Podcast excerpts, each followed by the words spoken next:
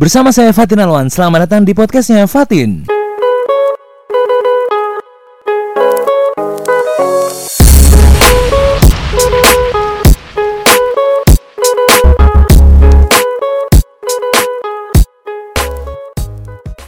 Selamat hari Kamis teman-teman. Hari ini gue akan ngobrol lagi bersama salah satu teman gue juga. Kebetulan dia senior gue sih di kampus ya. Ini dia Hanif. Halo, halo, halo, halo. Halo cuy. Kabar baik cuy? Alhamdulillah luar biasa. Lagi sibuk apa nih biasanya? Lagi sibuk event, tetap lagi sibuk event. Anjir, kok gue dari kemarin ya ngobrol sama Kang Agus, Eh-eh. sama Bang Pandu. Yoi, Kita libur nggak ada event. Oh, kok, lu, gitu. kok, kok lu bisa ada event tuh gimana? event pribadi. Apaan nih? Jadi nggak nggak semua event harus ada duitnya. Benefitnya nggak selalu duit. Oh ya, jadi yang penting gerak. Yang penting gerak. Oke. Sibuk aja dulu. Nah, kebetulan gue sama Hanif ini pernah ngejar satu perempuan yang sama. Cuma kita berdua, Waduh. kita berdua nggak ada yang dapat ya. Bos, bos, bos, bos, bos. Atau bos. dapet jangan-jangan. Jangan sekarang? dibuka dong. Berat. Oke, karena ini hari Kamis, seperti biasa di hari Kamis gue bakal Oke. ngobrolin tentang panah. Hai guys, buat kalian yang nggak bisa ke mana-mana, takut keluar rumah karena virus, tapi mau liburan, gue ada solusinya. Cobain deh, saya mobil archery. Saya Mobil Archery adalah salah satu produk dari Saya Archery yang memungkinkan kalian liburan tapi tetap di rumah aja. Pesan aja di Instagram at Saya Archery, terus teman-teman dari Saya Archery bakal datang ke rumah kalian bawa seperangkat alat panah. Dan kalian bisa main panahan di rumah kalian masing-masing. Hubungi aja di Instagram at Saya Archery. Jadi kita tetap bisa liburan meskipun di rumah aja. Stay safe ya guys. Cuy. Boleh. Nah, kemarin waktu sama Bang Pandu kita sempat berdebat abis tentang tradisional bow Oke. dan eh, modern bow Oke, oke, oke, atau oke. standar bow lah. Ya. Kebetulan kenapa gue ngajak lu ke sini Mhm. buat tag podcast sama gue, rekaman podcast sama gue karena lu gue denger-denger lu jago banget main tradisional. Oh, jago sih enggak bisa lah. Nah, gitu. Bukan jago. Tapi gini cuy, eh, banyak Yo. orang yang nggak tahu nih cuy. Hmm. Biasanya kalau orang-orang yang main panahan, yang atau enggak orang-orang yang baru tahu, oh panahan tuh kayak gini gitu. Ya. Yang mereka tahu adalah ada orang yang narik tali, lalu di Aha. tengahnya tuh ada ada macam kayak batang gitu. Tongkat. ah. Ada tongkat lah Yo, gitu. yo, yo, yo. Nah tapi yang yang mereka nggak tahu adalah di panahan pun ada banyak jenisnya. Iya, betul. Yang lu tahu jenisnya apa sih?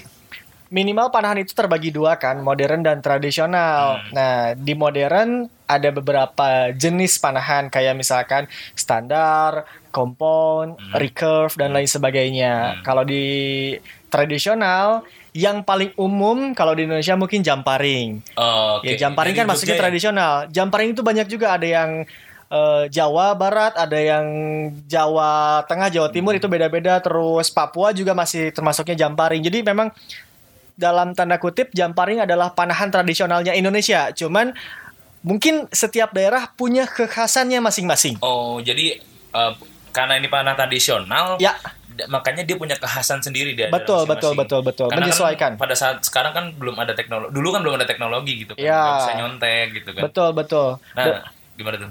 dan menyesuaikan mungkin dengan eh, apa ya lingkungannya gitu jadi kan kalau tradisional itu sifatnya personal. Misalkan orang Jawa enaknya pegangnya seperti ini. Ya mungkin bentuknya akan mengikuti dengan Oh, jadi postur berarti- tubuh Oh, mereka taruh gini nih, ini menarik nih. Berarti tra- tradisional bow ya. itu adalah panahan yang apa olahraga panah yang sangat mendalami sekali sisi filosofis filosofisnya gitu. Iya. Bisa gue bilang gitu nggak? betul betul betul betul Nah betul kayak misalnya tadi lu bilang orang Jawa mungkin karena ada kelembutan orang Jawa kan terkenal dengan orang yang lembut gitu, orang yang ramah. Iya. Ya kan kita kita tahu itu kita stigma masyarakat Jawa adalah seperti itu. Makanya kalau misalnya gue lihat di video di salah satu di video di YouTube misalnya, Ya. itu kalau lihat jam paringannya orang Jogja itu pelan-pelan gitu. Ya. kan. Pelan-pelan gitu. J- Nah, jadi menurut lu gimana tuh tradisional? Jadi ada yang memang ada yang diambil dari sifat filosofisnya seperti tadi, ada juga yang secara fisiknya. Kayak misalkan gini, kalau kita ngomongin tradisional kan nggak cuma jamparing, ada juga panah tradisional horsebow gitu kan. Oke. Nah, kayak horsebow dari Cina berbeda dengan horsebow yang Arab. di Arab gitu kan atau Turkis. Turkis dengan eh, handle yang ke depan gitu Oh, dan gendut. juga betul. Bercandaan katanya bercandaan tradisional kalau Turkis tuh orang yang gendut. Iya, jadi kalau misalkan ada anak panahan yang perutnya buncit, berarti perutnya turkis. Nah, berarti Turkis. gitu. Nah, jadi menyesuaikan dengan karakter orangnya, menyesuaikan dengan kenyamanan dari setiap pemanahnya. gue boleh nggak? Ini kan karena ini podcast ya audio. Ya, ya. Eh, lu bisa memvisualisasikan kan? Mhm. Memvisualisasikan nggak yang Oke. panahan tradisional itu seperti apa sih? Oke, secara garis besar panahan tradisional itu pertama kekhasannya adalah secara material biasanya natural. Oke. bahannya Jadi dari biasanya- kayak misalkan kayu, bambu, lalu tanduk, oh tanduk, tanduk, hornbow, Tanduk tanduk, sapi gitu. Iya, tanduk-tanduk binatang-binatang seperti itu. Lalu otot kaki dari sapi, dari yak dan lain sebagainya. Otot Otot. gimana? Jadi gini, eh dalam beberapa busur tradisional itu otot kaki hewan digunakan sebagai alat supaya busur atau bagian limbsnya Eh, itu lebih lentur. limbs itu yang lengkung ya? Betul. Yang lengkung ya. Betul, yang lengkungnya itu lebih lentur sehingga menciptakan busur yang lesatannya lebih baik. Oh, jadi eh oh berarti dia hanya sebagai apa? bahan- Pelapis. Pelapis. Betul, betul, Oh, betul di gitu. Sebagian sisinya aja. Jadi nggak full Dari otot. dari otot kaki. Oh, jadi kalau misalnya busur kita mau kuat, nanti kalau misalnya Idul Adha cari otot sapi. Nah, tidak bisa. itu ya punya ilmu dan tekniknya masing-masing. Itu Oke. nggak bisa main tempel otot. Ah, Hai guys, buat kalian yang gak bisa ke mana-mana, takut keluar rumah karena virus, tapi mau liburan. Gue ada solusinya. Cobain deh, saya mobil archery. Saya mobil archery adalah salah satu produk dari saya archery yang memungkinkan kalian liburan tapi tetap di rumah aja. Pesan aja di Instagram at saya archery. Terus teman-teman dari saya archery bakal datang ke rumah kalian bawa seperangkat alat panah. Dan kalian bisa main panahan di rumah kalian masing-masing. Hubungi aja di Instagram at saya archery. Jadi kita tetap bisa liburan meskipun di rumah aja. Stay safe ya guys. Selain itu ada apa lagi? Secara Ya. visualnya. Jadi pertama dari bahan natural, yang kedua kita tidak bisa mengeneralisasikan bahwa busur tradisional seperti A, seperti B, seperti C. Karena yang tadi saya bahas, yang tadi saya singgung di awal, setiap daerah, setiap orang itu punya kekhasannya masing-masing karakternya gitu. masing-masing. Betul. Jadi kurang lebih seperti itu. Jadi pertama dari bahannya natural, baik eh, dari yang bahan-bahan keras kayak anak panah, busurnya dan anak panah pun kan ada bagian bulunya Iya, atau iya. feeder atau venus. Ah. Nah, biasanya untuk venus tradisional itu menggunakan bulu-bulu hewan unggas kayak eh, ada yang pakai burung elang, bulu elang gitu, ada yang pakai bulu kalkun dan lain sebagainya. bulu merak bisa nggak? Bisa diatur. Bisa diatur, Asal ya. jangan pakai bulu kaki lah Ah, gitu, bulu kaki. Nyaris? Iya, sebenarnya gue biasa sama Hanif tuh kayak gini ya ngobrolnya gitu kan. Karena tapi karena kita ngobrolin panahan cuy. Yo, i. Karena ini, eh, oh ya gue pengen nanya sama lu. Lu Oke. sebagai orang yang ada di panahan sekarang dan tadi gue juga Mhm. baru dengar lu salah satu dewan pelatih Waduh, berat. Vespati. Ya. Vespati itu apa sih? Coba ceritain dulu. Vespati adalah Federasi Seni Panah Tradisional Indonesia. Nah, berarti ini pas nih, berarti gue ngobrol tentang panah tradisional sama lu kan. Oke, oke. Nah, jadi gini, eh, menurut lu nih sebagai Mhm. dewan pelatih aja. Oh, kuatin berat, lagi eh. Gua lagi. Lihat panahan di Indonesia sekarang tuh lagi gimana sih posisinya? luar biasa berkembang sebenarnya Hmm. luar biasa berkembang karena saya main panahan itu nggak nggak lama-lama banget baru empat tahunan lah ya Hmm. startnya itu dari standar sebetulnya standar bow Oh, oh ini hampir sama kayak Bang Pandu kemarin. kurang lebih Ah, jadi awalnya dari standar bow beralih ke horse bow itu ke tradisional ya maksudnya pertama dari segi budget awalnya Oke. karena untuk ngejar equipment si standar bow ini cukup berat dulu Betul. bagi mahasiswa Betul, oh betul. Ya. Sekarang juga saya berat. berat.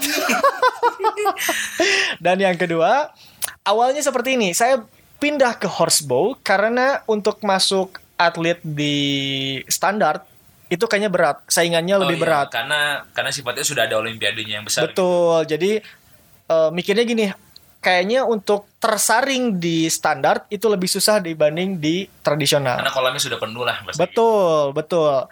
Ternyata begitu saya masuk di horsebow lebih gila lagi. iya, oh karena karena boleh nggak bilang karena horsebow itu sifat karena kemarin gue sempat sempat singgung juga di Ah, ah, sama ah, Pandu horsebow betul. itu sifatnya itu bukan klub tapi lebih kom- komunitas. Betul. Jadi makanya jadi lebih banyak. Ya, ada yang klub, ada yang komunitas memang gitu. Tapi komunitas eh, cukup banyak lah, bisa dibilang cukup banyak. Makanya pemain horsebow itu lebih banyak. Dan untuk horsebow rata-rata de kategorinya bukan kategori usia, tapi kategorinya eh, Ikhwan dan Ahwat. Intinya cuman gender aja, laki-laki dan perempuan. Oke. Jadi saya misalkan umur 20 tahun Tidak percaya saya. Oh iya 17 deh 17 Oke, oke, oke. Oke, Jadi Bos. misalkan a- eh, teman-teman yang di SMA 17 tahun atau 18 tahun akan beradu dengan teman-teman atau senior-senior yang usianya di 35 tahun atau 40 tahun. Akhirnya kan si kelasnya akan lebih ramai. Betul, betul. Jadi- Karena umurnya banyak. Betul, range-nya eh, luas banget gitu. betul. Jadi bisa dibilang kelas horsebow saat tanding eh, kalau bahasa saya itu kelas bagong, banyak banget yang ngadunya gitu. Oh, gitu. Jadi kayak misalnya lu lu baru pemula tiba-tiba kok yang lawan gue jago-jago semua. Nah, itu. Gitu. Jadi nah, tapi gini cuy, eh, eh, mungkin eh, secara gue mau ingin menjelaskan secara visualnya adalah teman-teman ketika yang kemarin kita obrolin sama Bang Pandu adalah panahan tradisional itu seperti yang ada di film-film kolosal, bener nggak? Maksudnya gimana? Apanya ini? Yang itu secara visualisasi. Oh ya, betul, Ya betul, kan? betul, Jadi betul. buat teman-teman yang suka dengan film kolosal, Betul. yang suka film-film sejarah kayak macam Game of Thrones ya, Game of Thrones juga ada kan panahan si siapa yang lu inget gak? Lu nonton gak sih Game Enggak. of Thrones? Oh ya udah, susah. Enggak, susah, Gue susah. nonton tapi udah lupa. Iya, Gitu. mungkin yang lebih gampang Robin Hood kali ya yang 2019 kemarin Betul, ya. ah, iya. Ah, ah, ah. Itu itu salah satu salah satu jenis panahan eh salah satu jenis busur dari tradisional. Betul, horsebow. Betul. Nah, gini, kemarin gue bercanda sama Bang Pandu gini. Gimana, Anak gimana? tradisional tuh mainnya feeling. Anak standar mainnya hitung-hitungan. Aha. Lu sepakat nggak dengan kata-kata itu? Sepakat eh, untuk tidak sepakat. gimana gimana? Menarik, menarik, menarik, menarik. Jadi dibilang feeling betul karena kita kebanyakan insting Iya. untuk aimingnya, Iya, untuk ada- bidikannya. ada alat bantu kan? Tidak ada alat bantu untuk membidik. Hmm.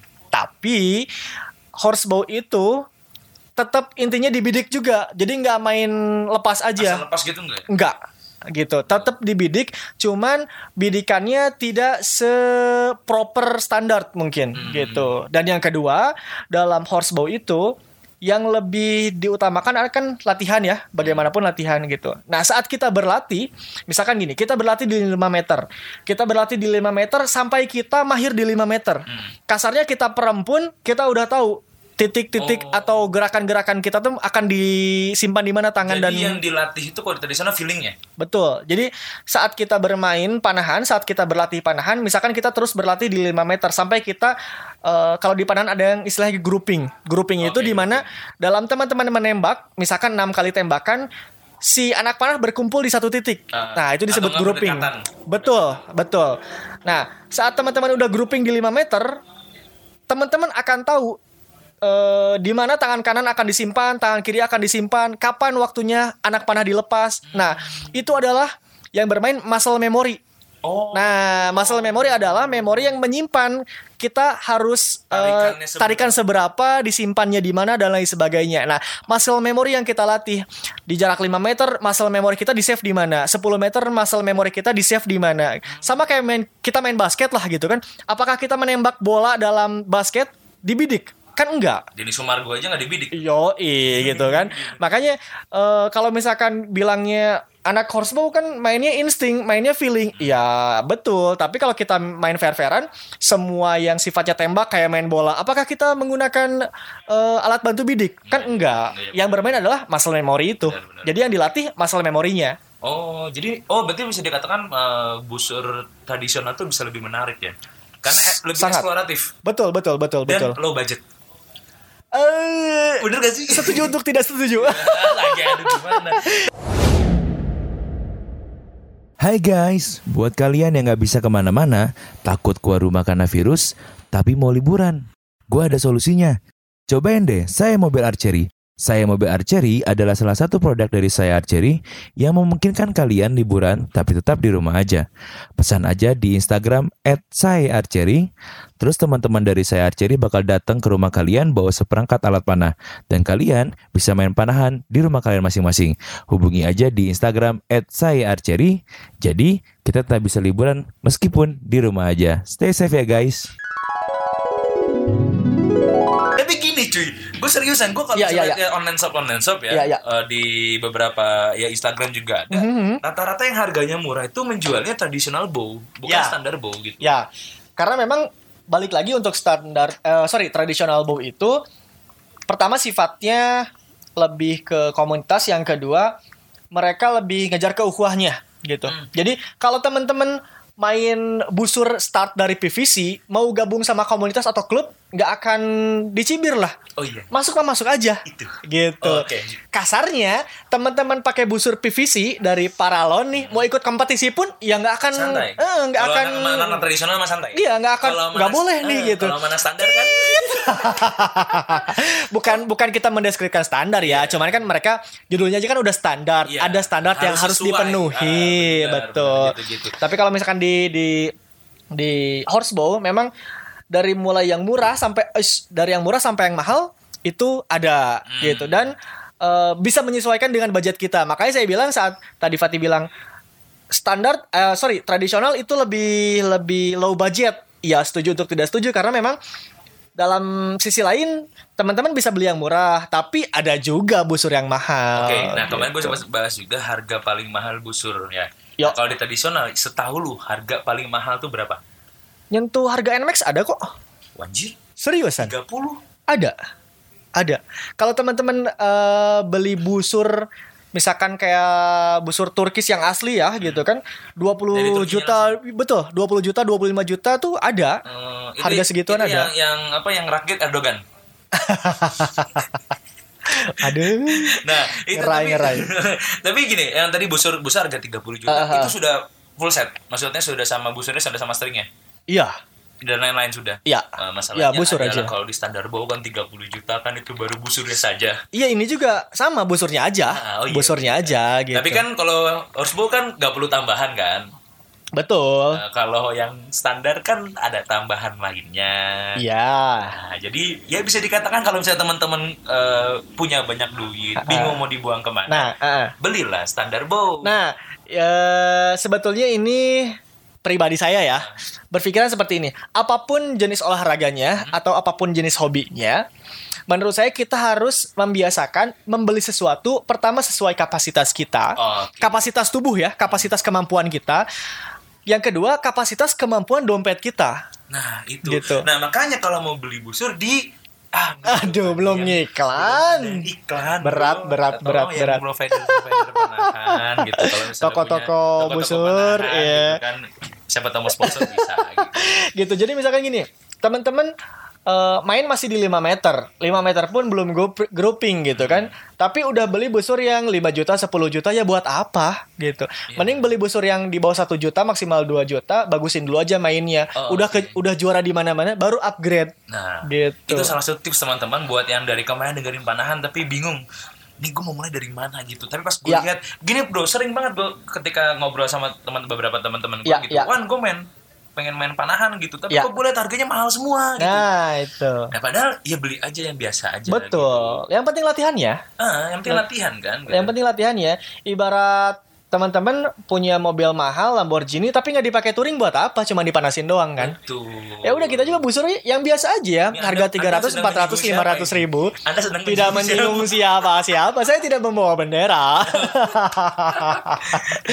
Jadi yang penting latihannya dulu aja. Oke, nah bicara tentang tradisional, salah satu gini ya, yang gue lihat tadi tadi sempat bicarakan Ya. juga gitu, ada ukhuwah di sana gitu. Ya. Berarti ada unsur keagamaan. Lu sepakat Ya. nggak tradisional itu berkembang di Indonesia karena ada unsur dari agama Islam itu sendiri gitu? Khususnya horsebow ya. Iya, Iya. oh, Osbo. Khususnya horsebow karena kalau kita bilang tradisional, tradisional itu kan luas.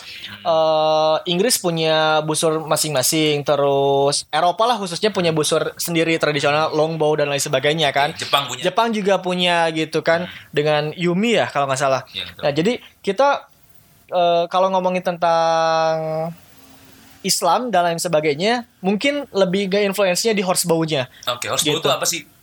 Horsebow adalah busur tradisional yang digunakan eh, di berkuda untuk berkuda. Oh jadi sebenarnya gini kalau tradisional yang biasa itu Ya. adalah yang menembak di atas tanah. Mhm. Kalau horsebow itu menembak di atas kuda.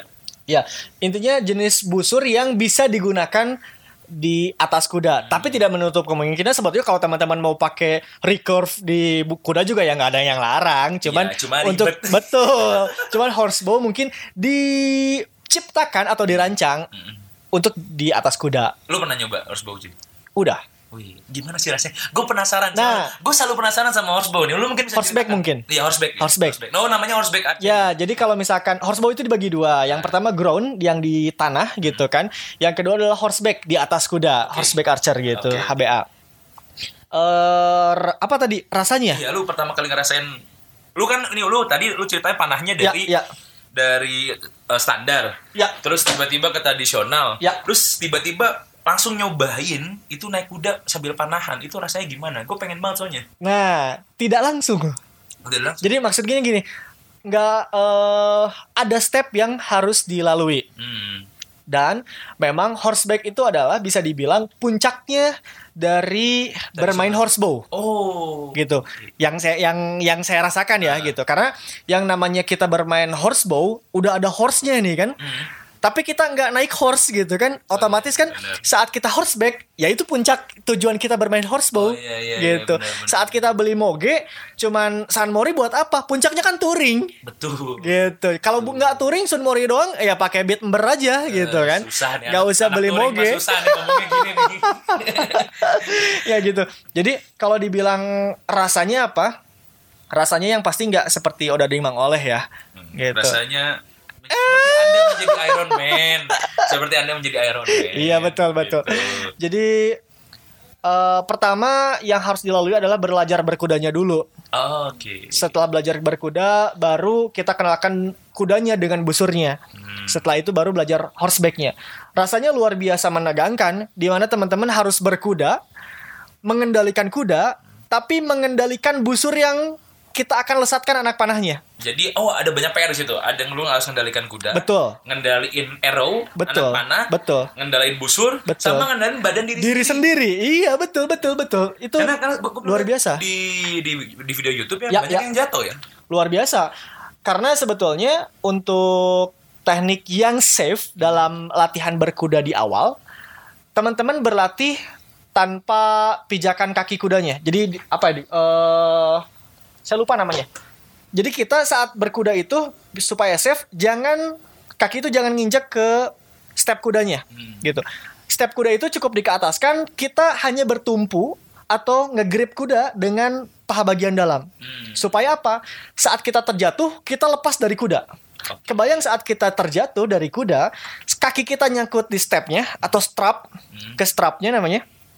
Kita terjatuh, kaki kita ada yang nyangkut ke kuda. Kuda tetap lari, kitanya keseret-seret. nah, itu yang bikin itu. dia, ah, yang Bahaya. bikin bahaya tuh itu. Makanya saat teman-teman belajar berkuda pun tanpa strap, luar biasa berat sebetulnya. Banyak yang jatuh. Tolong jangan dilanjutkan lagi karena saya sebagai pemain standar jadi tariman tradisional. Tolong sudah ya. Nah itu justru saya ingin meracuni teman-teman yang belum bermain horsebow untuk bermain horsebow Ya. merasakan eh, apa ya beda lah beda banget beda banget feel dari main horsebow tuh beda banget. Nah kalau misalnya dari teman-teman di sini mau main sama lu, lu bisa hubungin ke mana?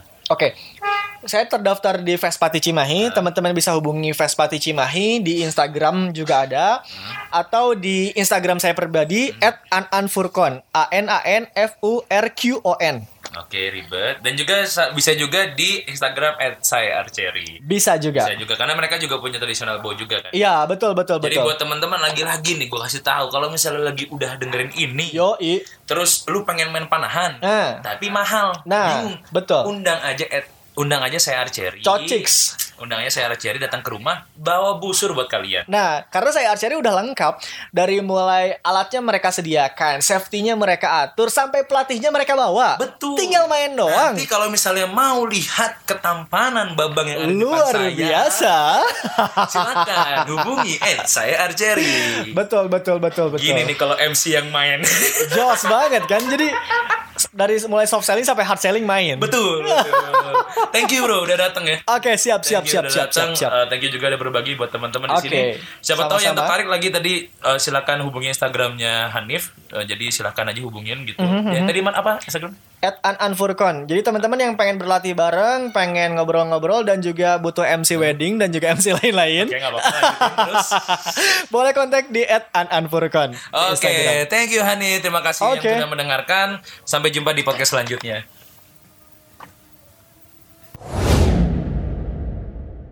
Hai guys, buat kalian yang nggak bisa ke mana-mana, takut keluar rumah karena virus, tapi mau liburan. Gue ada solusinya. Cobain deh, saya mobil Archery. Saya Mobil Archery adalah salah satu produk dari saya Archery yang memungkinkan kalian liburan tapi tetap di rumah aja. Pesan aja di Instagram at saya Archery. Terus teman-teman dari saya Archery bakal datang ke rumah kalian bawa seperangkat alat panah. Dan kalian bisa main panahan di rumah kalian masing-masing. Hubungi aja di Instagram at saya Archery. Jadi kita tetap bisa liburan meskipun di rumah aja. Stay safe ya guys.